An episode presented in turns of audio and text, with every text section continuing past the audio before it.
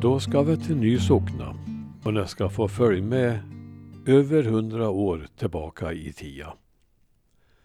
Nya Värmlandstidningen den 16 augusti 2014. Omkring 1910 bildade sex ynglingar en mässingssextett i Norra Ny. Det enda profana musikkapellet i dåtidens Nordvärmland. Medlemmen L. Gustav Nordqvist har beskrivit gruppens vedermödor i en minnesskrift på sextettens tid som kom ut på Finnbygdens förlag i Torsby 1962. I skriften får man också kunskap om hur livet levdes i bygden hundra år tillbaka från nu. Den nya tiden var i långsam framryckning. Kommunikationerna förbättrades, skogspriserna steg och levnadsstandarden höjdes långsamt. Industrimöbler började tränga ut de gamla hemgjorda. Självhushållet var i avveckling även om den mesta maten ännu framställdes på gårdarna och fabriksframställda kläder och skor blev allt vanligare. Gräddning av bröd skedde i bakugn med öppen låga. De flesta textilierna framställdes i hemmen, även strumpor och vantar och man såg ofta flitiga kvinnor gå och sticka på vägar och stigar. En rest av självhushållet var det ännu bestående säterbruket. Säterkullornas lull klingade än mellan bergen. Jordbruket sköttes på gammalt vis, mest med handkraft. Växelbruk hade accepterats och man började plöja djupare med amerikanska plogar. Förädlat utsäde började användas, speciellt havre, klöver och potatis. Eftersom lönerna var låga kunde bönderna leja arbetskraft i större omfattning än vad som behövdes. Rationaliseringen var ännu inte uppfunnen. Bönderna var ändå i regel välbärgade tack vare tidigare generationers sparsamhet och egendomskärlek. Möjligheter till biförtjänster var små. Lite flottning, vägbygge och spirande skogsvård. Annars var tillfälliga arbeten på annan ort det viktigaste. Av industrier fanns i Norra Ny ett mindre sågverk med tillhörande snickeri. Skogsarbetet var slitsamt. Arbetarna hade enkla verktyg och levde på enformig kost. Ofta bodde de mycket primitivt ute i skogarna, ibland flera veckor i sträck. En del karar drog bort till andra trakter på arbete men återvände oftast. Få flyttade till städerna och bara en och annan sökte ännu lyckan i USA. Ett gott stöd för de egendomslösa var torpsystemet och direkt svält förekom inte fast många hade det knappt. Bruket att äta vissa rätter ur gemensamt kärl hade upphört vid den här tiden. Men det förekom att dryckeskärl fick vandra från mun till mun.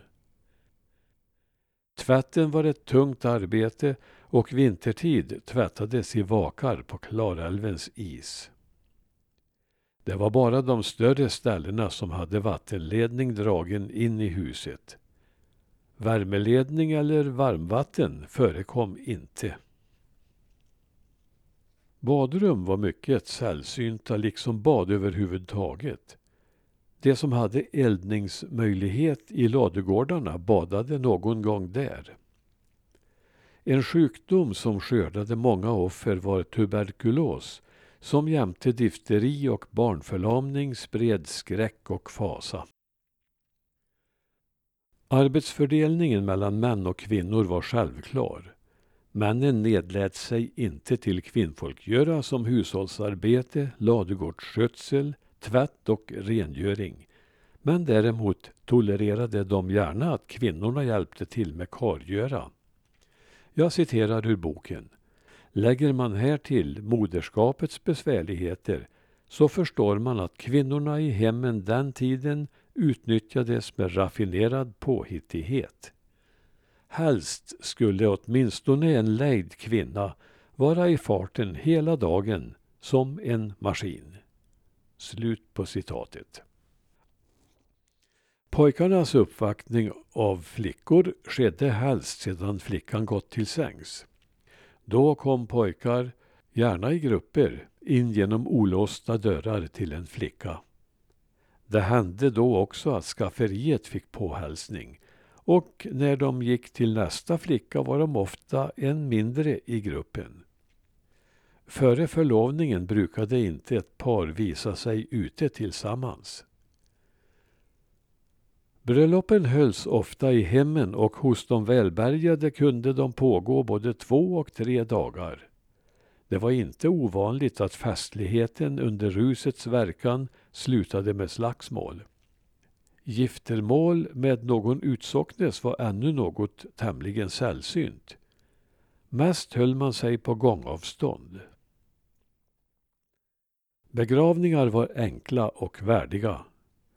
Hos välbärgade kunde de pågå ett par dagar med de närmast sörjande första dagen. Det blev den här tiden vanligare att man sände sina ungdomar till skolor av olika slag. Vägarna var dåliga och bilarna sällsynta. Cykel började komma på modet men priset motsvarade en halv årslön för en dräng.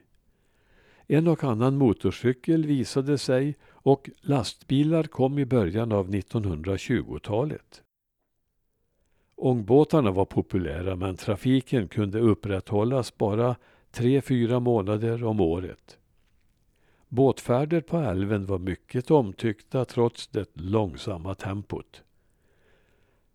När vattenståndet var för lågt på högsommaren övertogs godsbefordran av stakbåtar som förr. På ångbåtarna anordnades ibland lustturer, ofta med förströelser som sång och musik och kanske dans på den bogserade pråmen. Vintertid var det hästtransporter som gällde. Postgången övertogs av bil 1913 och blev då mycket snabbare. De flesta familjerna höll sig med tidning, mest som vecko eller varannandagsupplaga. Lösnummer fanns inte att köpa. Rikstelefon kom till bygden några år före 1910 och mottogs med stor glädje. Föregångaren, den allmänna telefonen, hade mycket begränsad räckvidd och var lätt att avlyssna. Den blev känd som bygdens skvallercentral. Inte förrän det lyser, tror vi, sa de som tvivlade på elektricitetens kraft. Men Per och Jonas Nordqvist trodde och år 1912 satte de upp en liten kraftstation i Värån med tillhörande ledningsnät. När lamporna började lysa kom folk ända från Finnskogen för att beskåda undret. Men en del trodde att ljuset skulle förstöra ögonen eller till och med att man kunde bli skallig av det.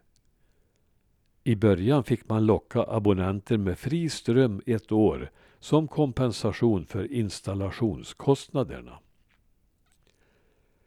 Skidåkarna använde tills några år in på 1900-talet en lång skida att glida på och en kort att sparka på sig med. Till detta en enda lång stav. Runt 1905 hade de flesta gått över till två lika långa skidor, ännu några år med en stav. Tävlingar förekom inte och ingen idrottsförening fanns ännu. Ansatser till backhoppning började, men i blygsamt format. De föreningar som fanns var IOGT och skytteföreningar. Fotboll sparkades utan ledare och fast organisation på avbetade vallar men först efter 1910. Simkunnigheten var dålig. Bygdens unga män ägnade sig ofta åt kortspel som fritidssyssla. De satt sommartid ute i backarna, ofta med en ring åskådare omkring sig. Insatserna var ofta små och förströelsen oskyldig. Citat. Frånsett att det var en fulländad skola i förmågan att svära. Slut på citatet.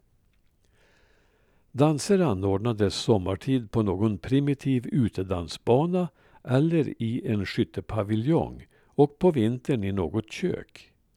IOGT anordnade fester med god ordning medan det var sämre på dem som skytteföreningarna anordnade. Med års mellanrum kom också någon enklare cirkus eller ambulerande biograf till bygden. De religiösa samfunden hade ofta små musikkapell och kyrkan kunde bjuda på god kyrkomusik. Till danserna användes mest dragspel som trängde ut fiolen. Någon kringvandrande spelman kunde stanna till och någon gång kom en orkester eller sångkör. Annars fanns bara små möjligheter att höra andra musikanter än bygdens förmågor, som den unga mässingssextetten.